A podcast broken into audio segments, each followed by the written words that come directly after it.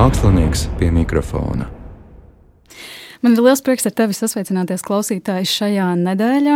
Pie mikrofona Anna Marta Burva un man iepratīm aktrise Marija Linārta. Čau! Čau! Es māju aktīvi tagad. Priekš tādā vizualizācijas, ja iztēlojaties, kā Marija aktīva un ļoti enerģiski māju.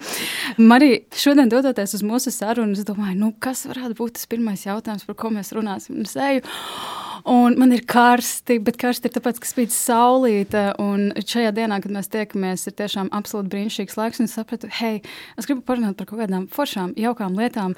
Tāpēc, varbūt, kas ir kaut kas foršs, kas ar tevi pēdējā laikā noticis, vai arī par ko tu esi padomājis? Es esmu domājis par daudz ko, bet tas man šķiet nav nekas baigi foršais. Es baigi daudz pēdējā laikā domāju par atbildību, kas laikam nav forša. Es nezinu, vai tas ir forši vai nē. Un es, nu, es, piemēram, domāju, to es tagad atkal izkāpu no tāda depresīva posma. Tā ir tāda lieta, kas notiek periodiski man.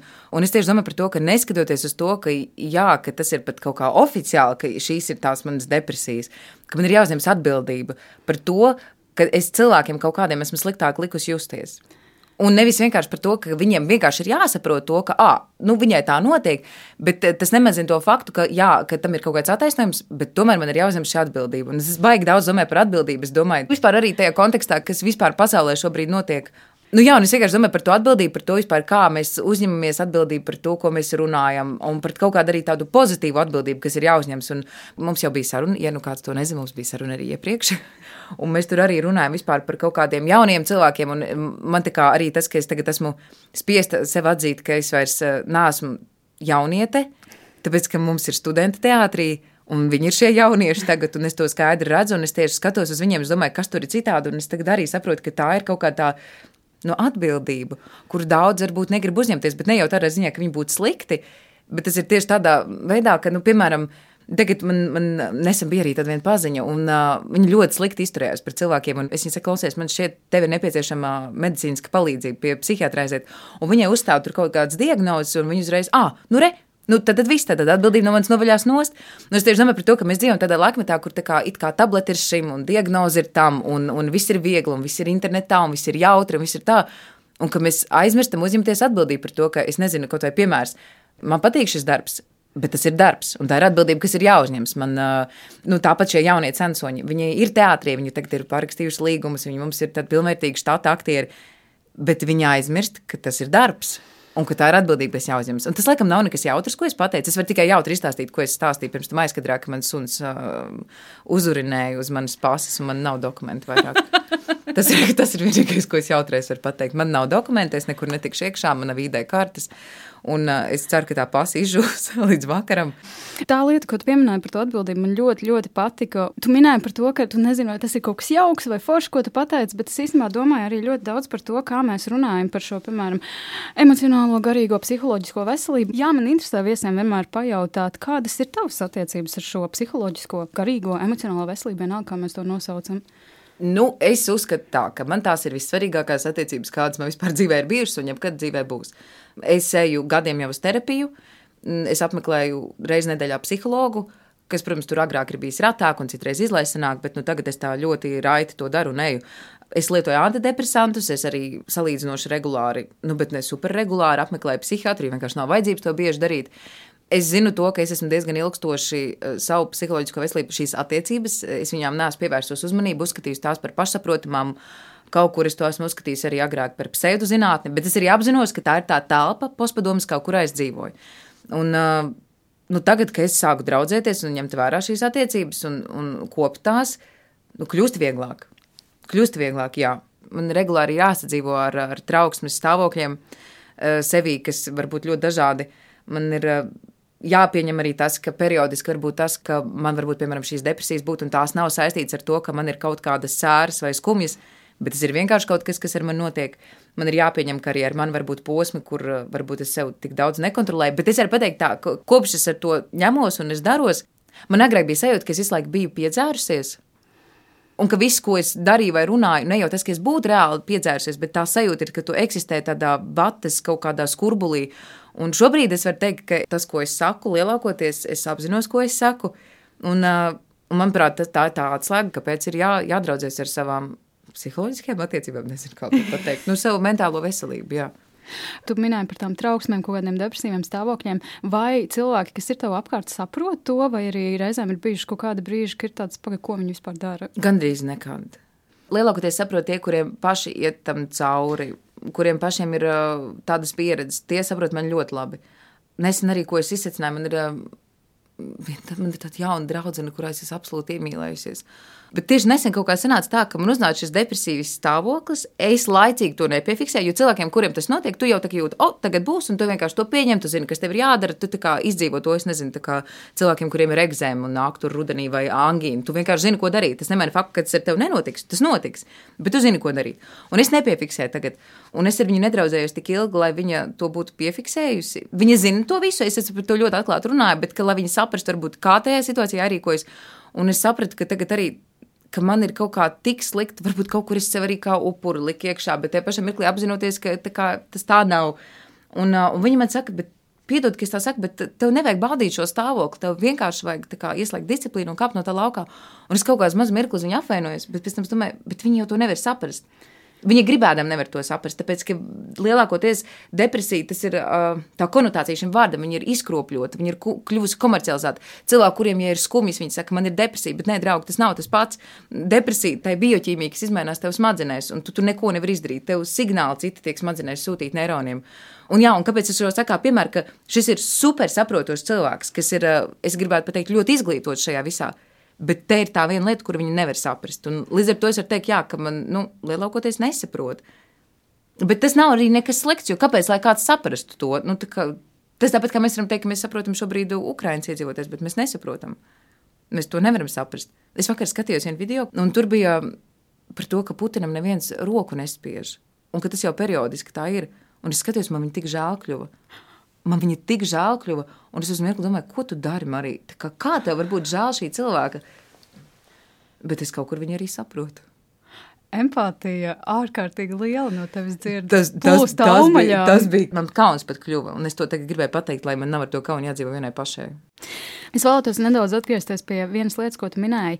Tu minēji, ka tev agrāk psiholoģija likās kā tāda pseidozinātne. Es vēlētos varbūt nedaudz atšķirt šo tavu domu, vai tu vari paskaidrot, kā un kāpēc. Nu kā, ja tu kaut ko nezini, tad tu to nesaproti. Ja tu to nesaproti, tev šķiet, ka tas neeksistē. Tā ir tāda klasiska propaganda. Tā tas strādā. Un tev liekas, ka tas bija izrietot tiešām no kaut kādas mūsu audz, nu, audzināšanas? Līdz mirklim pēc augstskolas Es nezināju, cilvēks, kas iet uz terapiju.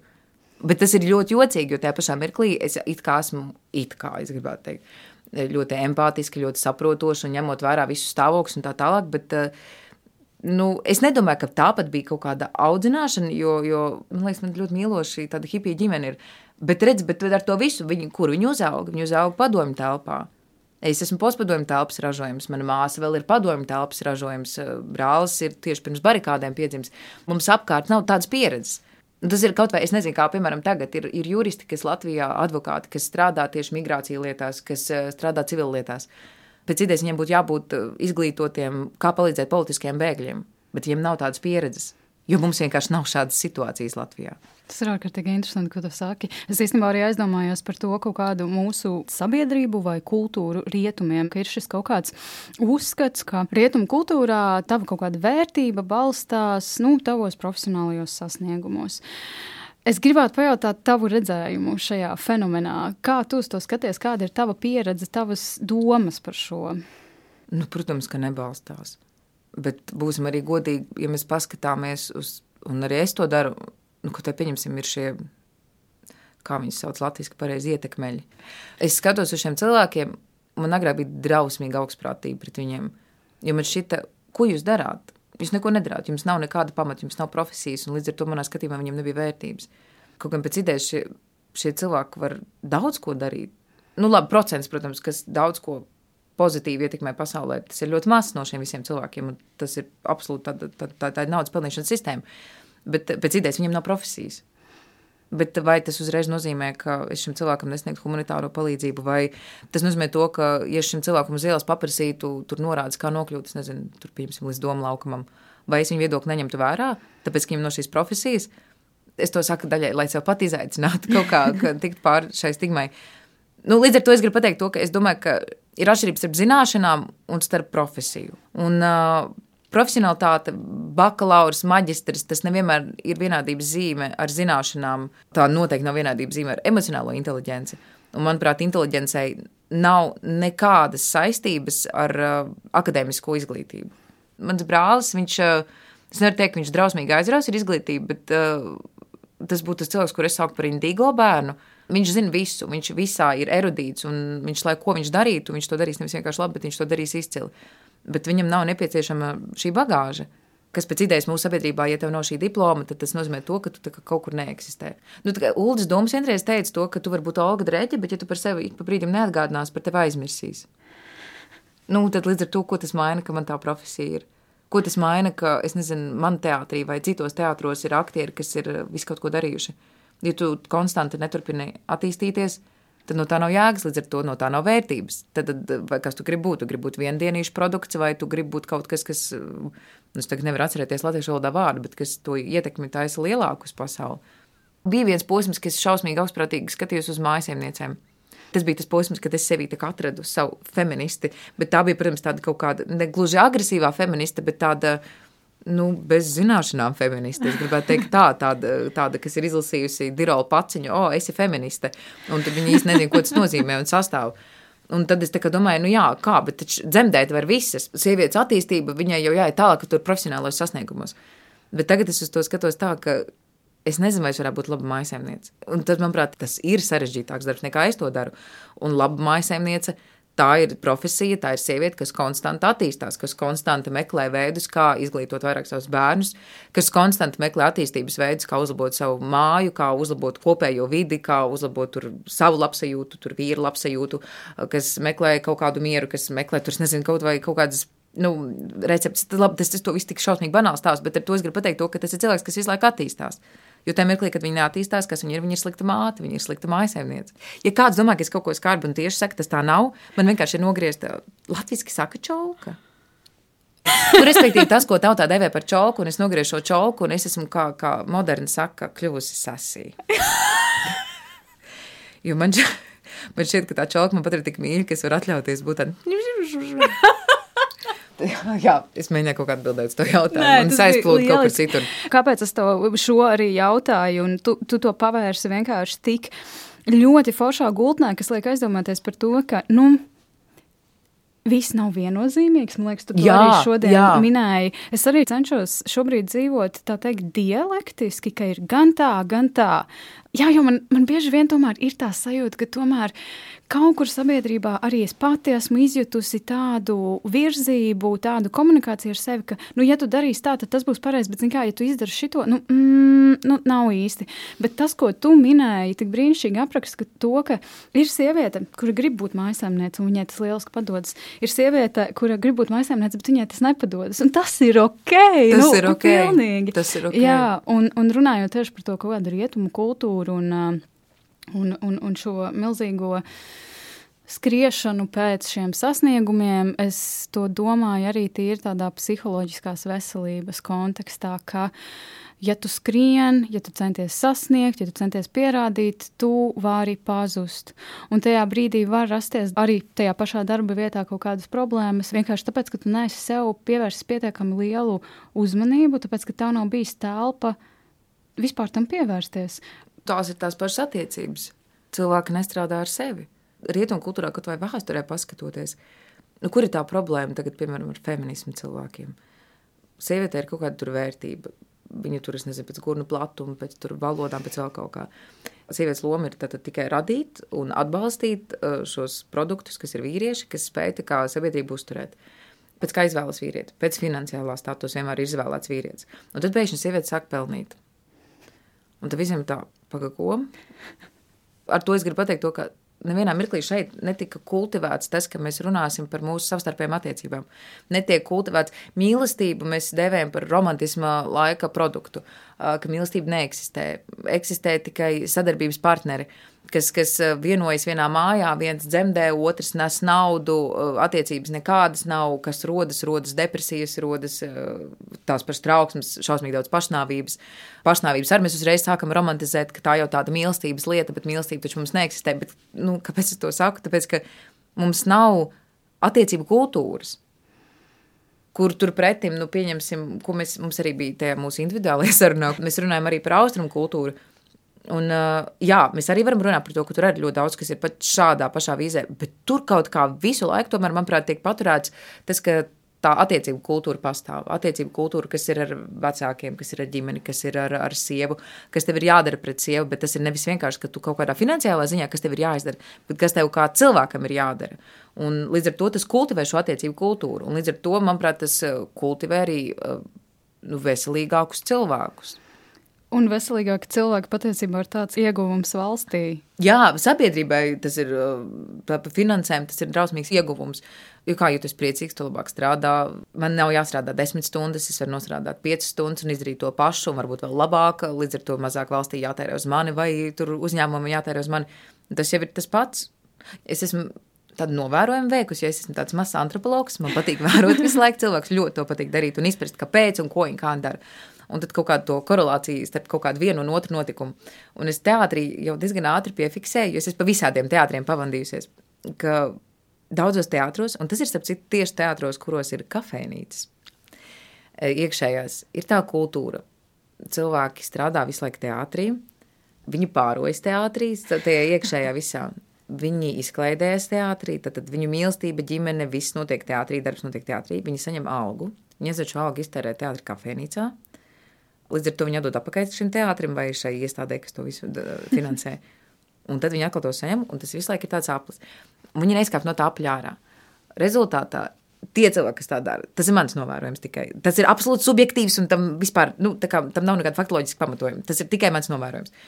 Šie cilvēki, es piefiksēju, ka viņi gadu laikā grimst alkoholismā, jo ko tu, tu teātrī citu darīsi, ja tu turēsi visu laiku un tu ārā neizēji.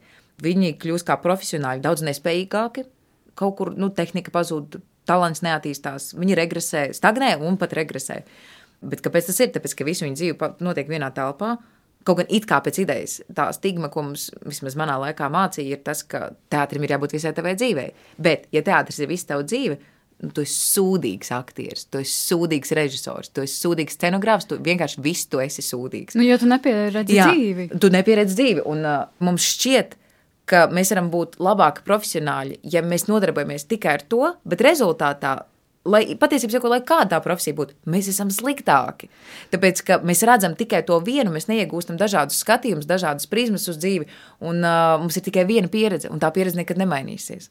Kāda ir bijusi tava pieredze ar šo? Vai tev ir bijis sākumā tā, ka tu esi nu, iegājis teātrī tā, ka nekā cita nav? Es esmu darba holiķa, bet uh, Pirmā spēļu naktis, pirmais kurs mums vajadzēja strādāt šajā spēļu naktī. Nu, tā kā, kā brīvprātīgiem tur kaut ko palīdzēt, brīvprātīgie piespiedu kārtā. Es atceros, ka es ieraudzīju. Uh, kas notika, tad, kad beidzās oficiālā daļa, kā visi piedzērās. Bet ar to es negribu pateikt, ka tur viss būtu kaut kāds slikti, bet tas bija man. Tur man bija 18 gadi, un man kaut kādas, varbūt, necerības, bet kaut kā šķita, ka tā māksla, tas ir kaut kas tāds augsts. Nu, es nezinu, kā pasakāt, ka tur kaut kāda pilnīgi citas sfēras ir. Un es ieraudzīju kaut kādā ziņā, cik liela daļa cilvēku kļuva neglīti, un es gribēju iet prom no skolas, un es gāju, pēc tam nākamajā dienā es gāju uz akadēmiju. Man bija ļoti slikti, man bija slikti, ka es redzēju, ka man kaut kāda kursa biedra arī šajā visā pieķērās tam visam. Un es teicu, kursa vadītājai, ka es gribu pamest skolu, tāpēc, ka es negribu šādā vidē dzīvot visu dzīvi. Un es to saku tā iemesla dēļ, ka man teātra aizkulises, man viņas ir nevis vienkārši neinteresē, man viņas ir nepatīkamas. Bet es esmu darba alkoholiķis. Un es varu strādāt ļoti daudz, un man patīk strādāt daudz. Un tagad es mācos to nedarīt, un arī paldies Dievam, tā pandēmija ir piespiedusi to nedarīt. Bet, bet tur ir atšķirība. Man nav gandrīz draugu no teātra. Man ir patīkami jauki cilvēki, kuriem es periodiski papļāpāt, bet man nav gandrīz draugu no teātra. Man visi draugi nodarbojas ar kaut ko citu. Un tas ir tik veselīgi. Jā, un man liekas, ka ne jau tas, ka tagad nevajag draudzēties ar cilvēkiem teātrī, vai nevajag viņus mīlēt, jo es patiesībā nu, daudz no viņiem mīlu, bet mēs neesam viens otru dzīvē tādā veidā. Bet tas jau nemaina faktu, ka es varu strādāt daudz. Ja man patīk strādāt daudz, un ja man interesē, kāpēc es to nedarītu, man ir bijis tā, ka es atopos, ka es esmu strādājis 24 stundas no vietas. Protams, labi, tas nav veselīgi, bet ja tev tas interesē, kāpēc lai ne? Tas ir darba alkoholisms. Bet tas nenozīmē, ka man dzīve ir teātris. Jā, tas nošķīrums ir īstenībā interesants, par ko es nekad nebiju aizdomājies. To neviens nedomājas. Es saprotu, kāpēc, kāpēc, kur, kā, kāpēc to neviens nemāca. Ah, pēc es tur kaut ko jaunu izdarīšu. Klaus, tev tieši vēlējos pajautāt par to Covid laiku. Man ir interesanti, es īstenībā vairākiem viesiem to vienmēr jautāju. Ja mēs runājam tieši par šo aspektu, atkarību no savas profesijas, šo darba holismu, vai Covid laiks arī tev ir palīdzējis apstāties un varbūt paskatīties uz kaut kādām savām pagātnes pieredzēm, ko tu esi darījis, un tajā laikā tas ir licies pilnīgi normāli. Un šodien tu skaties, un tu jau vienu piemēru minēji, bet varbūt tu vari vēl parunāt par kaut ko.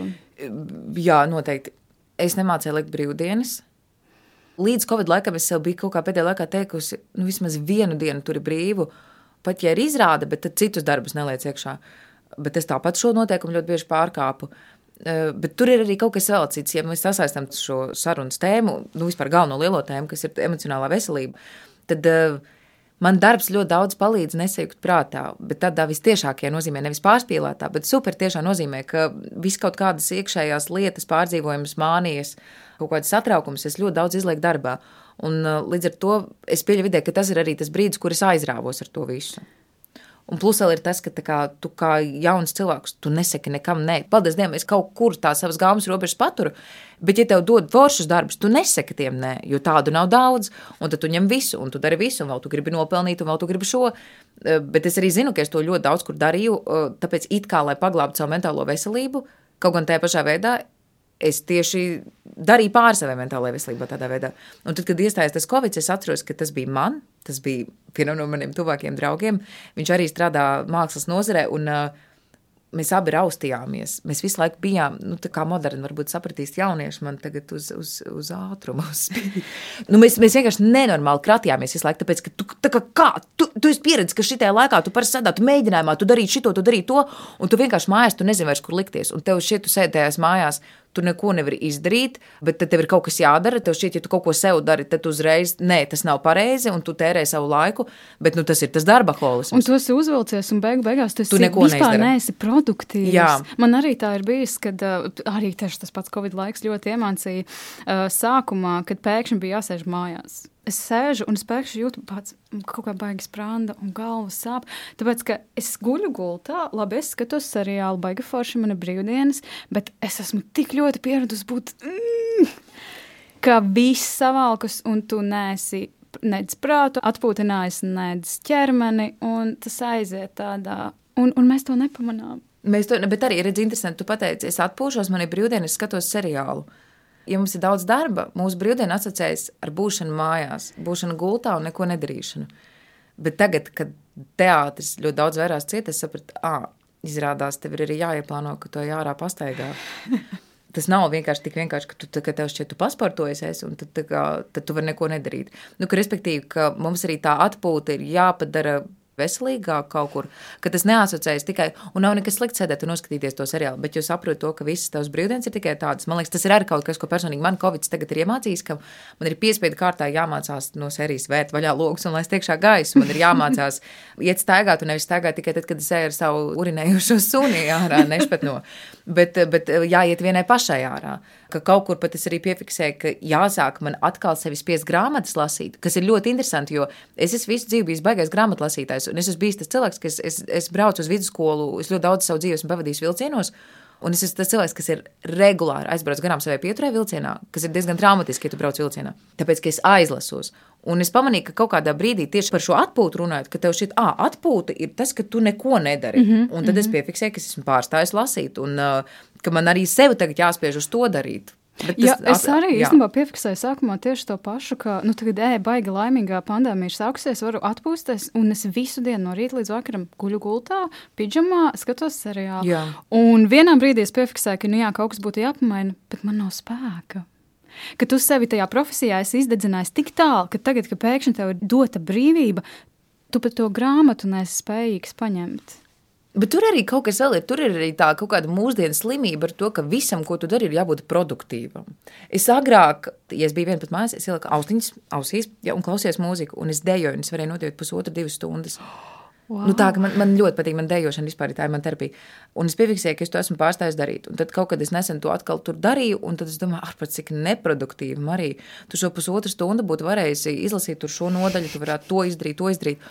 Bet es redzu, šī, te, šī darbība, man padara tik brīvu un tik priecīgu. Un atkal, ja es to izdaru, tad es pēc tam būšu produktīvāk nākamajā dienā. Tas ir arī tas pats tā rietumu kultūra, ka mums ir jābūt konstanti tik nenormāli produktīviem. Es arī es skatījos tos mūsu studentus, jo es nezinu, man viņa pēdējā laikā ir tik daudz par ga manu galvu, viņa maisās, jo man tāds ir, ka viņi ir mana nākotne, tad es laik domāju par to, kas tā ir mana nākotne, vai tā es gribu šo nākotni, vai nē, un kā sadzīvot un iemācīties un nebūt tam pūslim. Es atceros, tas viens students, viņam, es piefiksēju, ka viņam, manā skatījumā, viņam bija vienkārši pārslodze kaut kāda, nu, pat, tā nav pat emocionālā pārslodze, tā ir informācijas pārslodze, un ka viņš ir skolā, viņš ir tur darbā, Tad brīvajā laikā nu viņam, viņam stāv piecas grāmatas, kas ir jāizlasa, viņš iet uz kino, viņš iet uz teātri, un tu viņu satiec, un tas cilvēks vispār neuztver. Un tas arī tev ir tāda slimība, ka tev ir jābūt konstanti produktīvam. Un ka tava izklaide vai, vai atpūta, tā noteikti nedrīkst būt neproduktīva vai neintelektuāla.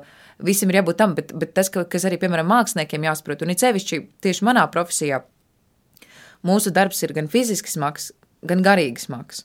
Un, ja man konstanti ir jālasa smagi materiāli, sarežģīti darbi, es nodarbinu ne tikai savu ķermeni, bet nodarbinu arī savus smadzenes. Mēs par to neatceramies.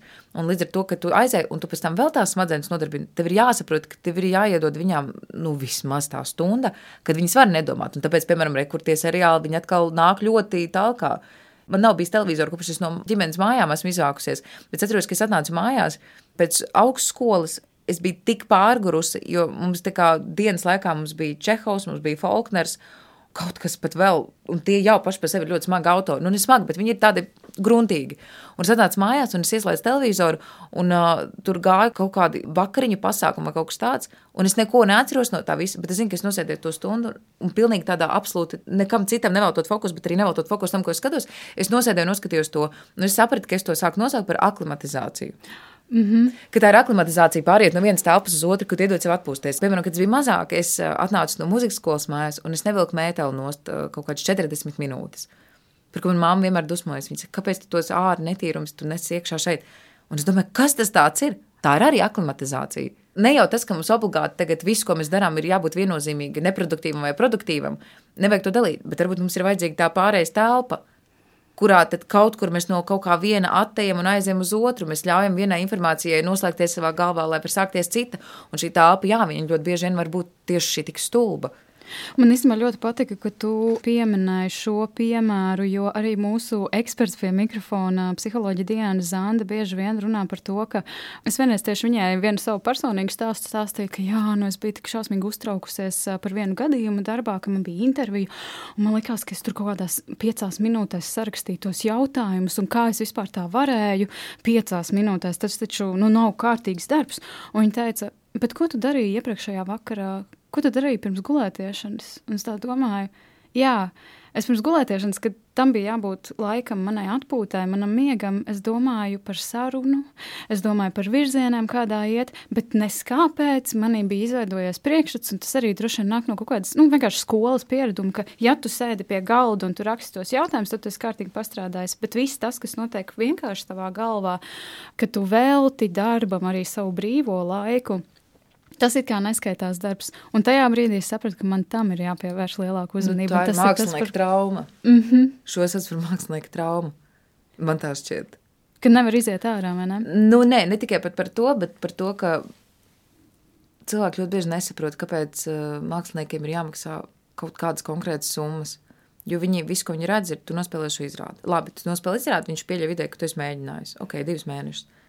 Mākslinieks atnāk nodzied dziesmu tā dziesma ir trīs minūtes, kāpēc man te būtu jāmaksā vairāk? Režisors, ok, tu esi uz laukuma, bet kāpēc man te ir jāmaksā par sagatavošanās procesu kaut kādu gadu vēl pieņemsim? Kāpēc? Respektīvi, tu neesi, um, es nezinu, režisors gatavojas filmai. Viņš nevienu mirkli nav nedarbā. Es uh, gatavojos lomai, es neesmu nedarbā gandrīz nevienu mirkli. Man nav tas, ka es, jā, es sēžu šīs trīs stundas vai četras nosēžu mēģinājumā, un tad aizēju, un pēkšņi tas beidzas. Nē, tu esi konstantā procesā, un līdz ar to tas ir tas, ko daudz arī nesaprot, ka Pirmkārt, tas ir iemesls, kāpēc ļoti daudziem māksliniekiem ir mentālās nu, ne, es tās nesaukšu par problēmām, bet mentāli izaicinājumi, kuriem ir pārslodzes, kuriem ir trauksmes, kuriem ir panikas lēkmes, tāpēc, ka viņi ir konstantā darbā. Un uh, tas pasaules pieņēmums ir tāds, uh, ka mēs finansēsim tur fizmatus, mēs finansēsim ķīmiju, ķīmiķus, bi biologus, kaut ko tādu, jo mēs redzam fiziski, ko viņi izdara. Tāpēc, ka tas ir izmērāms, mērvienībās, nomērāms, laikā vēl kaut kādā. Bet māksliniekam ir tas, ka tu pat gribēdams, tu nevari īsti nomērīt to laiku, cik daudz viņš strādā. Un, ja pat varētu, man liekas, tas būtu ārkārtīgi šokējoši, ko tie Tā, dati uzrādītu. nu, nu, es nesen biju uz vienu filmu pirmizrādi. Es skatos šo filmu, un es piefiksēju, ka es desmit minūtes, tāpēc, ka es esmu izdzirdējis kaut kādu skaņas efektu, kas tur ir. Es desmit minūtes domāju par to, kā es varu, es domāju, ideju citai dziesmai. Bet ko tas nozīmē? Es neatpūšos, es strādāju.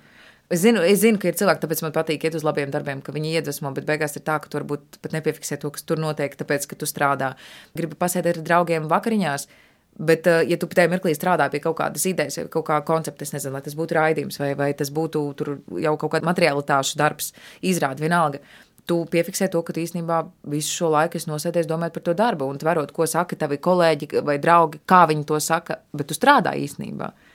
Un es domāju, ka ja tādas lietas varētu fiksēt, tad tas izrādītos, ka mākslinieki strādā gan arī visu savu nomodu laiku. Es tev gribēju šajā sakrā jautāt, vai tu esi iemācījusies, varbūt tu vēl joprojām esi procesā, lai spētu nošķirt? Es domāju, ka es daudz ko jau esmu iemācījusies. Kā? Bet kaut kur es arī vēl esmu procesā.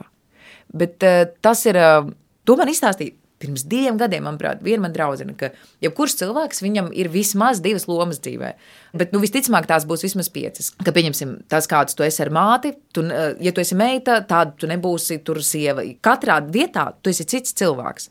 Un tas, ko viņa, viņai to arī stāstīja skolā, ka tas, kas ir, ka ir jāiemācās nošķirt, kurā mirklī, kura loma tev ir, kurā mirklī tu esi eh, profesionāla, kur tu esi aktrise, kur tu esi meita, kur tu esi māsa, kur tu esi draudzene, vienkārši draugiem, kur tu esi padomdevējs, kur tu esi šis. Jo ar katru cilvēku ir pilnīgi cits attiecības.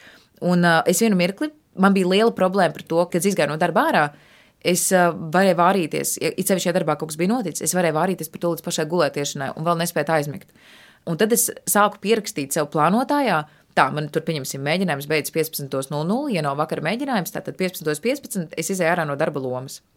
Tad man ir ceļš tur līdz nākamajai vietai, kur tur man ir jābūt, vai tur es nezinu, izvest suni, vai mājās, vai citā darbā. Tur es ieeju tajā lomā. Un es sev sāku rakstīt šo grafiku, lai sev uzskatām, pateikt, tā, tu tagad nevari vairs tur būt. Tāpēc, ka tas mākslinieka darbs, nu, vismaz mums teātrī, viņš ir tik emocionāls un kaut kur personisks, un tu esi spiests sevi konstanti dīrāt, bet tajā pašā mirklī tev ir jāsaprot, ka tu nevari sevi arī tik personiski aizskart. Un tāpēc tur tā robeža nojūg viņa. Un tāpēc arī māksliniekiem jo īpaši ir svarīgi, man patīk, kā teici, to Higiēna. Hi, jā, psi, emocionālā, emocionālā higiēna. higiēna. Personīgā, ne, personīgā higiēna, tā ir tiešām cita higiēna. Tā ir, tā ir cita higiēna. Bet to arī vajag, draugi, to vajag ievērot. To vajag, lūdzu. Lūdzu, ejam dušā vismaz vienreiz dienā. Un starp citu, tas arī ir psiholoģisks triks, kas palīdz. Ja tu ieej pirms gulētiešanas dušā, tu visu dienu slikto nomazgā, un tev uzreiz ir vieglāk. Atnāc mājās, uzreiz iej dušiņā. Tas tā palīdz, tas, tā, tas, tas palīdz. Bet jā, par to nu, tas, tas ir jāievēro viennozīmīgi. Nu, es, es zinu, ka ik reiz, kad es to nedaru, man pašai ir slikti. Un tu nevari, protams, to vienmēr izdarīt, bet tas ir par to, ka tur nejauc darbu ar privāto telpu. Lai cik ļoti kārdinoša būtu šī bohēmiskā vide, nu, nedari to. Saprotu, ja darbā ir kaut kādas, kas varētu šķist ir uz robežas sarunas par lomu, nu, saprotu to, ka tas varbūt nav tik daudz par tevi kā par personību ja tev ir slikti, rūpējies par to, lai tu nebūtu telpā, kur tu jūties slikti. Ja tev ir telpa, kurā tu atrodies ar cilvēkiem, strādā, kur tu sev sāc riepties, ej prom no turienes, nestrādā tur, neņem visus darbus, kurus tu vari darīt, ej uz terapiju. Lūdzu, lūdzu. lūdzu. Un šobrīd vienkārši gribu noreklamēt ir valsts atmaksāta terapija. Desmit reizes var iziet, un ir tā stigma par to, ka šie terapeiti ir ļoti slikti. Nē, man tik daudz draugu tagad iet pie ļoti labiem terapeitiem. Valsts apmaksā desmit reizes tev apmaksā. Mākslinieks pie mikrofona. Labi, Marija, mēs tikko ārpus mikrofona runājām, ka jābliež seksisms Jā. teātrī. Ir.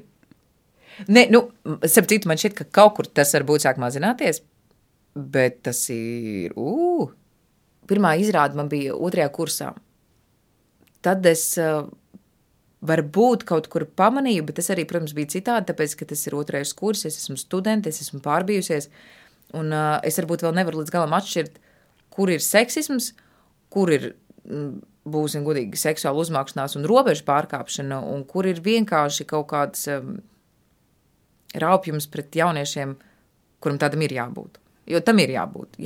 Vai jauniešiem vajag sadot ik pa brīdim. Es esmu pateicīga, ka kāds man ir sadevis. Bet jau pēc tam nākamā izrādē es to sāku ļoti pamanīt. Un pamanīt tādā veidā, ka es varu sēdēt smēķētavā, man iet garām kolēģis, jo tur var iziet cauri, un viņš iet garām, viņi var atļauties uzlikt man roku uz dibeni, viņi var atļauties uzlikt man roku uz kājas. Un es jūtu, ka es nejūtos komfortabli ar to. Bet es īsti nezinu, kā man tādā situācijā ir jārīkojas, ja neviens man to nav paskaidrojis. Es zinu to, ka man ir paskaidrojuši teātrī, ka tu tikai neguli ne ar vienu teātrī, jo tad visi domās, ka tu lomas dabū tikai caur gultu. Bet neviens man neteica to, ka tev ir tiesības uh, savus robežas turēt. Respektīvi, viens, kāds varbūt domā par reputāciju kaut kādu kopējo, bet nedomā par to, kā es kā jauna meitene var justies, vai vispār kā jaunas meitenes jūtas. It sevišķi kino industrijā, teātris industrijā, nu, kas ir sieviete. Sieviete lomas pārsvarā ir vīriešu, lielākoties mēs pasmies uz dramaturģiju. Kam ir lomas? Lomas ir vīriešiem.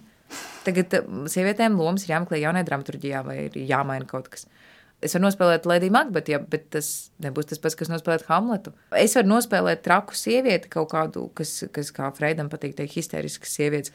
Bet manu vērtību lielākoties pirms nosaka par to, vai es esmu glīta vai es esmu neglīta. Aktrisei ir jābūt garai. Es esmu metrs, kā es nesen uzzināju, nevis 1,64 m, bet 1,63 m. Un man ģimenes ārste, es aizgāju pie ģimenes ārsta dažreiz pēc savas dzimšanas dienas, un es viņai saku, tas nevar būt. Jo es nesen vēl mērījos, viņa teica, uz vecumu viss saraujas. Es gribu pieminēt, ka man ir 29. Tev ir jābūt garai, tev ir jābūt uh, skaistai, bet skaistai kam? Skaistam, lai es tev patīkami skatīties, lai tev ir viegli manipulēt. Man vēl nesen pateica viens režisors, viņš teica, Marija, tu esi pārāk gudra, ka tev būs baigi grūti, ka tevs, tev kā aktrisē, bet viņš to neteica tā ļauni. Viņš to teica tiešām, tev lielākā problēma un izaicinājums būs kā aktrises karjerā, tavs intelekts. Man liekas, kā, ko, kas tas tāds ir? Man ir teicis kolēģis arī teātrī, ka tu esi pārāk gudra. Viņš teica, tu esi pārāk gudra meitenei, ka meitenes nedrīkst būt tik gudras. Viņš teica tieši meitenēm, ka aktrisēm ir jābūt mīlīgākam. Un kāpēc es pārāk maz apskaujos teātrī? Un es viņiem saku, bet tāpēc, ka es nāku šeit strādāt. Un ne jau es esmu nejauka, ne jau es esmu kāda, bet es nāku strādāt.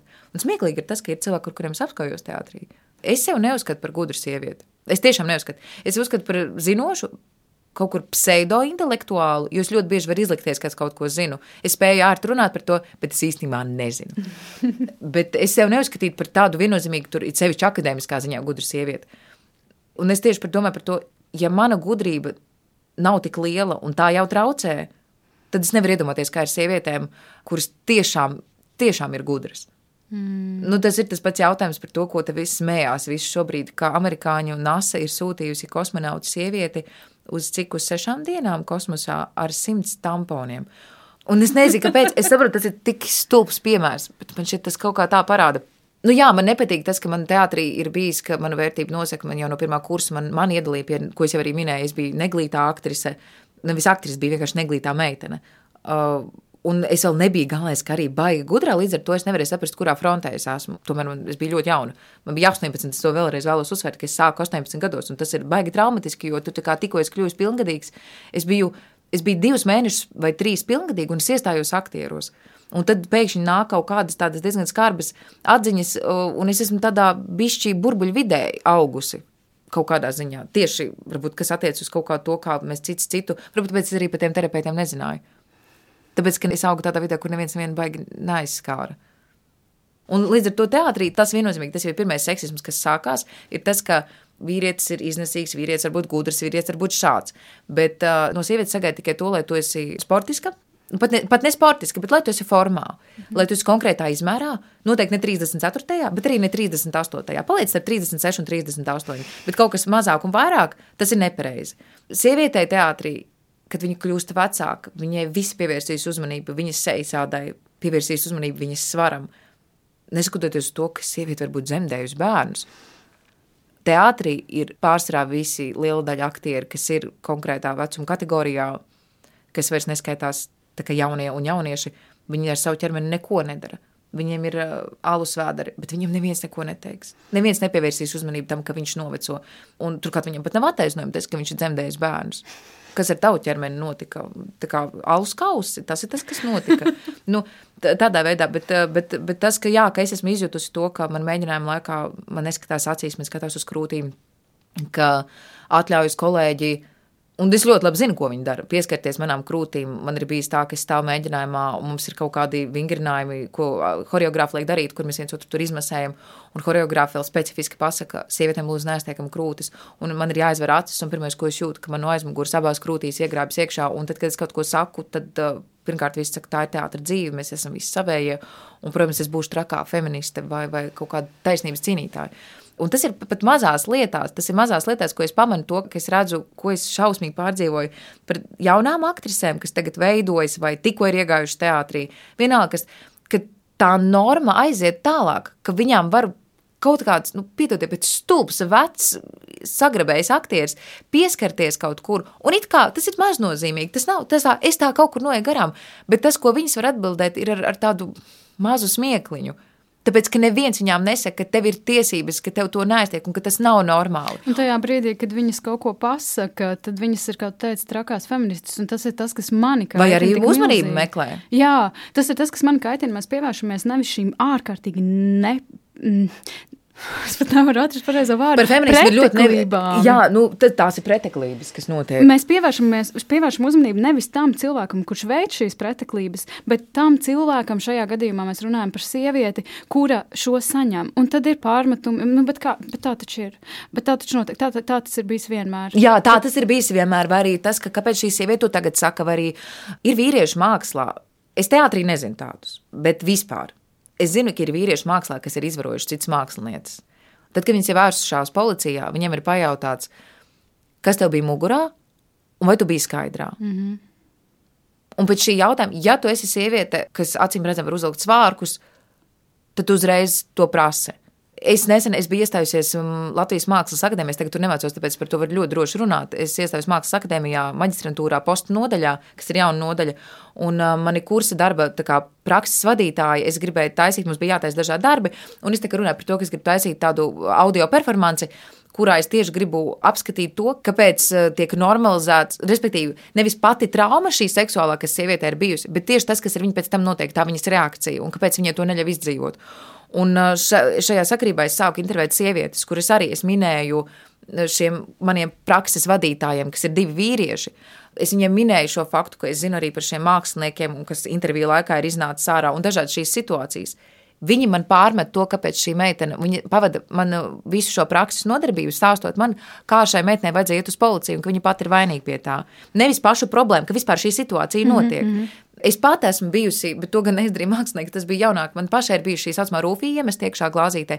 Es šovasar redzēju pie Valtra un Grāpes. Mēs sēdējām ar draugiem, un pienāca vēl divi studenti no mūsu teātra. Un mēs kaut kā visi sākām plēpāt, un mums garām iet divi jaunieši, meitene ar puisi, un tur redzi, viņi ir vidusskolēni. Un tas bija tas laiks, kad visiem tie, tie izlaidumi bija. Un iet garām, un es saprotu, ka tur kaut kas nav kārtībā. Mēs visi skatāmies uz to, mēs stāvam tā grupa, un es tam studentiem saku, klausies, atnes ūdeni. Tā meitene ir acīm redzams slikti. Tas puisis vispār neredz, kas ar šo meiteni notiek, un tā meitene ir ļoti slikti. Un es viņai saku, klausies, vai tu esi kaut ko lietojis. Viņa saka, nē, nē, nē ka viņa dzīvē neko nav mēģinājusi, ka viņa tikai piedzērusies. Bet es redzu, ka šī meitene trīc, es redzu, ka viņai ir palielināts zīlītes, es redzu, ka viņa vemj. Un tad mēs pēc tam tur, tur mēs tādu čupu ar cilvēkiem esam, kas ir savējie, un mēs visi saprotam to, ka šai meitenei ir iemest iekšā rūfija. Bet tas viss ir ok. Jo ko tu pateiksi, kāpēc tu atļaujies kaut kur iet, kāpēc tu atļaujies iedzert? Tā nedrošība būt sievietei, tā nedrošība būt sievietei, kas grib kaut ko pateikt, tā nedrošība būt. Man ir tas, man ir jāizvēlas, vai nu es varu būt trausla, vai es varu būt stipra. Es nevaru būt nekas kopā. Uh, es nedrīkstu uzvilkt svārkus un pēc tam sūdzēties, ka kāds man pievērš uzmanību. Es nedrīkstu nenāsāt krūšturi un pēc tam aizrādīt, neskaties uz manām krūtīm. Bet man jau prāt, tā ir audzināšana par vīriešiem.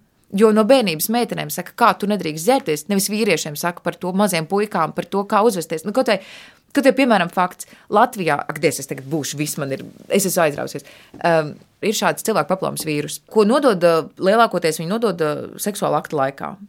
Šī vīrusa pārnēsātājs ir vīrietis lielākoties. Sievietes to nepārnēsā. Bet sievietēm tas ir 80% iemesls, kāpēc veidojas zemes kakla vēzis. Pārbaudīt to Sievietēm ir jātaisa regulāra skrīninga, vēl kaut kas tā tālāk. Sievietēm mums tikai tagad parādījās vakcīna pret šo Latvijā. Tas ir nenormāli dārga. Kas ir nenormāli dārga. Kāda 400 eiro nebija? Viena, viena vakcīna ir 150 eiro, tev trīs vakcīnu kursi Jā. jāaiziet. Mm. Jaunā meitenē viņa it kā ir bez maksas. Kur viņas piedāvā? Un, un interesantākais, ko, piemēram, es runāju, šī nav manis izdomāta informācija, bet ko mana ginekoloģija saka, viņa teica, šai vakcīnai ir jādod puišiem, nevis meitenēm. Kāpēc mēs cīnāmies ar sakām, nevis vispār, lai nerastos šī problēma? Maziem puišiem iedod šo vakcīnu, un šī problēma vispār nebūs. Bet tā vietā, tāpēc, ka mēs puišiem stāstīsim, cik viņi ir labi, un viņi ir labi, viņi ir superīgi, visi ir superīgi, bet mēs tajā mirklī metīsimies uz to, lai nomocītu sievieti par to, kā viņai ir jāizskatās, kā viņai ir jāaudzas. Tas ir tas pats, ko visi tagad runā. Tur. Man patīk ieturēt tradīcijas, kādai tradicionālai jābūt sievietei. Nu, bet kādai tad ir jābūt tradicionālai sievietei, ar, ar, ar nerunīgai, bez viedokļa, izmantotai? Lielākā daļa sievietes piedzīvo izvarošanu laulībās un attiecībās. Tādai ir jābūt sievietei. Tā ir tā tradīcija, kur mēs gribam ieturēt. Tāpēc mēs sievietes nestrādāsim. Daudzi domā par to, ka tas, kas tagad notiek, un arī, kad mākslā kāds mēģina par to runāt, sievietes, tad tu pārkāp tradīcijas. Kādas tradīcijas? Ja tā tradīcija nozīmē to, ka es negribu, ja man, piemēram, man būs meita, kas izvēlēsies iet mākslā, es negribu, lai viņa šādai vardarbībai, manā skatījumā, tā ir gan emocionāla, gan seksuāla vardarbība tiek pakļauta. Ja es to negribu, jā, tad es gribu lauzt šo tradīciju. Es nesen biju um, Tur visas bija mākslinieces, mums bija pasēdēšana. Man šķiet, mēs bijām piecas sievietes. Piecas sievietes vienā telpā, no kurām tikai viena nav piedzīvojusi seksuālu, vienu vai otru veidu vardarbību pret sevi. No piecām sievietēm viena. Tā nav statistika, kurai es gribu pakļaut citas meitenes. Es, es cīnos ļoti bieži, pat ne par sevi tik daudz, bet es cīnos ļoti daudz tieši par to, lai šīs jaunās meitenes, kuras nezina labāk, kuras tiek pakļautas šai seksualizācijai, kuras tiek pakļautas tikai tam, ka cik tavas kājas ir garas un kamēr būs tava seja, tikmēr tu būsi laba. Bet patiesībā sekot viņām iekšā ir tāds dziļums un tādas domas un doma bagātība. Tāpēc, laikam, ja tas jautājums, vai tas teātrī pastāv, jā, tas pastāv, bet uh, es viennozīmīgi varu teikt, ka tas mainās. Tas mainās, tas sāk kļūt veselīgāk. Un skaidrs, tas ir tas pats, kā ir cilvēki, kas ir homofobi, kas ir rasisti. Mums vienkārši ir arī tās pašas pieredzes, kuras mēs nezinām. Tas tas pats, ko es teicu sākumā par to terapiju, ka, ja tu kaut ko nezini, te kaut kas nav pierasts, tad tas mainās. Nu, mana cerība ir tāda, ka pēc desmit gadiem varbūt būs tāda situācija, ka teātrī es varēšu pateikt, nepieskaries man, tu pārkāp manas robežas, un es nebūšu problēma, bet problēma būs tas, kas to izraisīja. Tas ir kaut kas, ko es varētu novēlēt mums visiem. Es um, esmu palikusi uz pauzes. Jā, šobrīd. Ir... Paldies, paldies par visu šo Jā, es pat nevaru aprakstīt savus sajūtas šobrīd. Laikam ir ļoti patīkami dzirdēt cilvēku atklāti pasakām šo visu gan savas pieredzes, gan domas. Jo es kaut kā ļoti pieķēros arī tam, ko tu teici mm, par to, a, kāpēc tās sievietes agrāk negāja uz policiju un tam līdzīgi. Es tikai nesen pirms pāris nedēļām sapratu, ka man pirms diviem gadiem bija tāda pieredze, kas man ir notraumatizējusi. Paldies Dievam, man nevienā brīdī neviens nepieskārās. uh, un šeit atkal es varu derēt, ka būs tāda gadījuma, bet nepieskārās. Tad jau viss kārtībā. Bet es gāju Jā, uz vienu, bet, tā, tā, bet tas tā nenotiek, tas tā jo nav, es gāju uz, eh, mm, mums radio klasika ir tāds rīta rektājums no 7 rītā līdz 9. Mans mīļākais raidījums, es dievinu viņu vadīt, tas vienkārši tie mani rīti, es esmu laimīga, es ar kafiju eju viena pati pa vecrīgu. Un es uzgriežos uz tās ieliņas, kas ir starp lielo ģildi un uh, radio ēku. Mm -hmm. Un uh, es pēkšņi jūtu, man kāds iet aiz muguras. Man jau, kā es, es teikšu atklāti, man kā sievietei jau vairākus gadus ir tā, ja man kāds iet aiz muguras, man, bailes. man ir bail. Man ir tiešām bail. Man bija tāds, bet nu labi, tas manā galvā, manas bailes, fu. Un pēkšņi šis cilvēks sāk man iet blakām. Un nu, kaut kāds ārzemnieks, un viņš saka, ko tu dari? Man tāds, uh, es eju uz darbu. Viņš saka, es meklēju meiteni seksam šovakar. Un tas bija. I'm looking for a girl for sex tonight. Tie bija precīzi. Oh, jā, God, cik atklāti. Un tas bija kaut kāds pāris minūtes pirms sešiem, jo es vienmēr cenšos uz sešiem būt. Gāju, jā, un viņam vēl bija nakts, man bija rīts, es gāju uz darbu, runāt ēterā, uzrunāt cilvēku šajā rītā, lai viņiem šis rīts ir labs. Un es šobrīd, uh, es par to saku, iespējams, arī manā balsī var just, es jūtu, ka man krūškurvī jau, jau tā kā viss trīc. Un es saprotu, ka pats ir vecrīgi arī pirms sešiem. Es nevienu cilvēku apkārt neredzu, es nedzirdu, kādas ir manas opcijas. Šajās pāris sekundēs es domāju, vai man bēgt, vai Jā. man kliegt, vai es paspēšu. Jo es saprotu, ok, ja es skriešu, es nepaspēšu. Viņš ir liels, viņš izskatījās diezgan mm, fiziski sagatavots. Ja es kliekšu, kurš mani dzirdēs?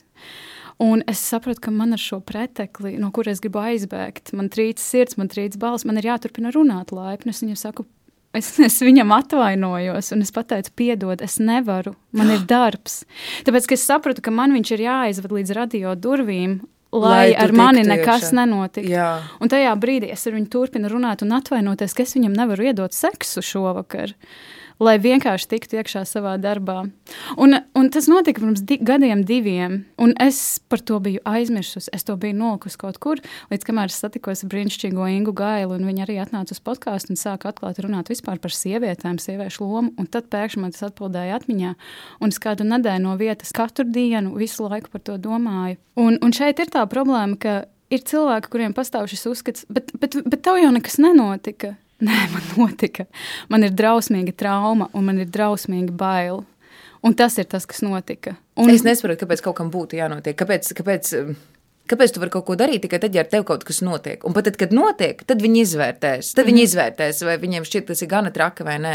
Es vienkārši vēlētos tiešām vērst uzmanību uz to, ka šīs sievietes pieredzes, un es domāju, ka katra sieviete, kas šobrīd šo klausās, ir kaut ko tam līdzīgu pieredzējusi. Mēs bieži vien neapzināmies. Mums bieži vien tas liekas normāli. Starp citu, jā, tas ir tas, ko mēs runājam ar draugiem, ka ir kaut kāda šī arī pieredze. Nu, pieņemsim, Tas ir tieši pieskāroties, varbūt kaut kādos tādos it kā maznozīmīgos pieskārienos, kur tev šķiet, ka tas ir super adekvāti. Tev liekas, ka tas ir tik adekvāti, un ka tu sāc par to domāt, tu saproti, ka īstenībā nē, tev vienkārši konstanti sveši vīrieši pieskaras izliekoties, ka viņa tev nezina, kā pieturēs, vai viņa tev nobrauks garām, paējot tev garām, vai es tev mīļi, laipni paturēšu, bet es nezinu, kāpēc tur kaut kur tev pie krūts, vai tev pie dibena, vai uz vēdra, tev, lai saistur formu, un es nezinu, ko pēc tam ietu masturbētu stūrī. Es tiešām vienkārši, ne, es arī nesaprotu īsti, godīgi sakot, to, kas tas ir. Jo man mm. nekad dzīvē nav bijis tā, ka es eju garām kādam vīrietim, un man šķiet, oh, viņš ir izskatīgs, es gribu viņam pieskarties. Bet tas ir tas, tāpēc es tavu pieredzi, kas tev ir, tas ir absolūti saprotami, ka tā ir traumatiski, tāpēc, ka it sevišķi tā jums dēļ, labi, šoreiz nenotika. Bet nākamreiz, kad tu, piemēram, jutīsi kaut ko tādu, tu jau kritīs panikā, tāpēc, ka tev šķitīs mm. uzreiz, nu kā, tu nevari divreiz izprukt no tās situācijas. Jā, un tas uzreiz ietekmē visu vispār manu uzvedību. Un fakts kā tāds, šobrīd, kad es bieži vien uz darba eju pa šo ielu, kur tas notika, es ļoti skatos apkārt un man daudzās sirds. Es par to nedomāju, bet mans pirmais signāls ir man daudzās sirds.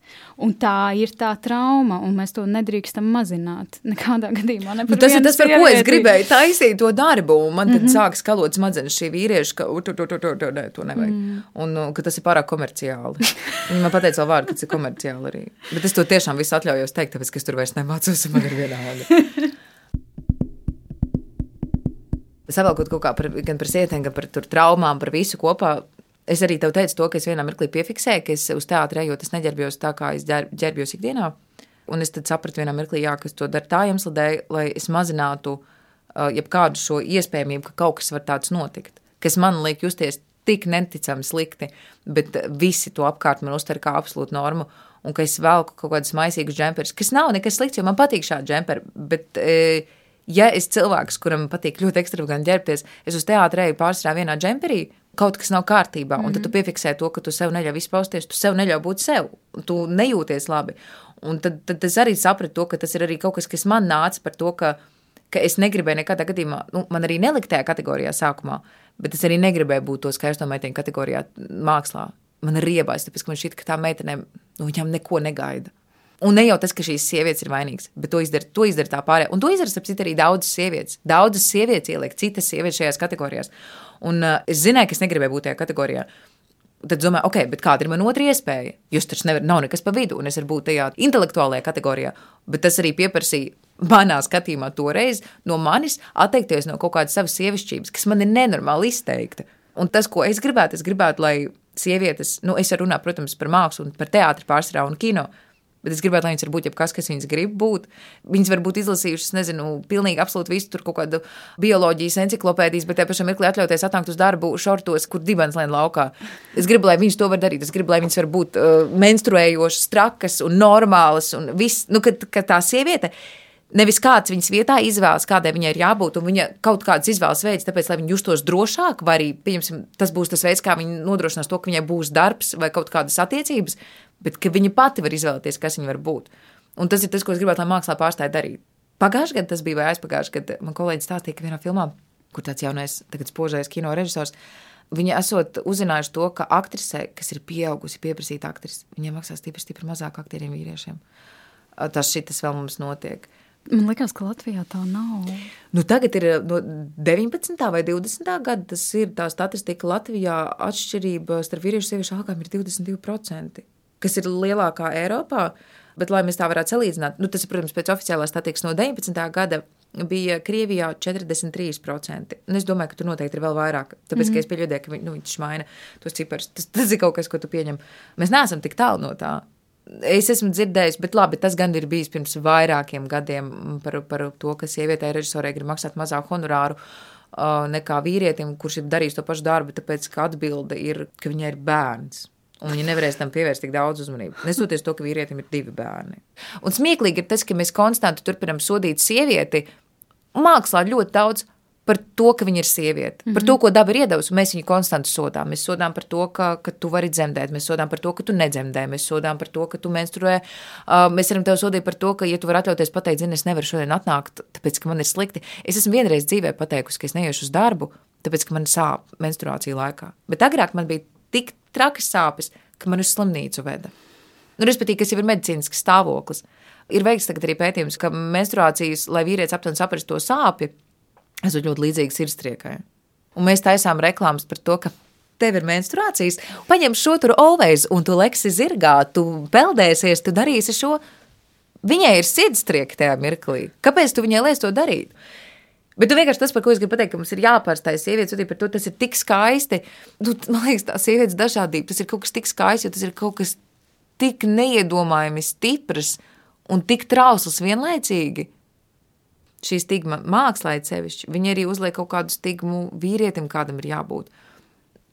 Bet tas ir viss ir par kaut kādu, es nezinu, kapitālismu kontroli. Man nav jāsmas. Es nezinu, kas tas ir. Es lasīju vienā grāmatā, un man ļoti patīk atbild par to, ka šis ir kapitālisms, ka rasisms, seksisms, homofobija, tas ir viss kapitālismu rezultātā, lai tur pēc iespējas mazāk cilvēku grupu varētu kontrolēt. Un man patīk šī ideja. Man, mm -hmm. viņa, viņa mierina mani kaut kur, tad es atrodu to iemeslu, jo citādi es nezinu, kā kāds var pateikt, ka kāda cita cilvēka dzīvība vai dzīve vai izvēle ir mazāk vērta, kā es varētu stāvēt šeit un teikt to, ka mana dzīve ir vērtīgāka par tavējo. Mm -hmm. Jo tas ir pēc idejas tas, ko mēs pasakām.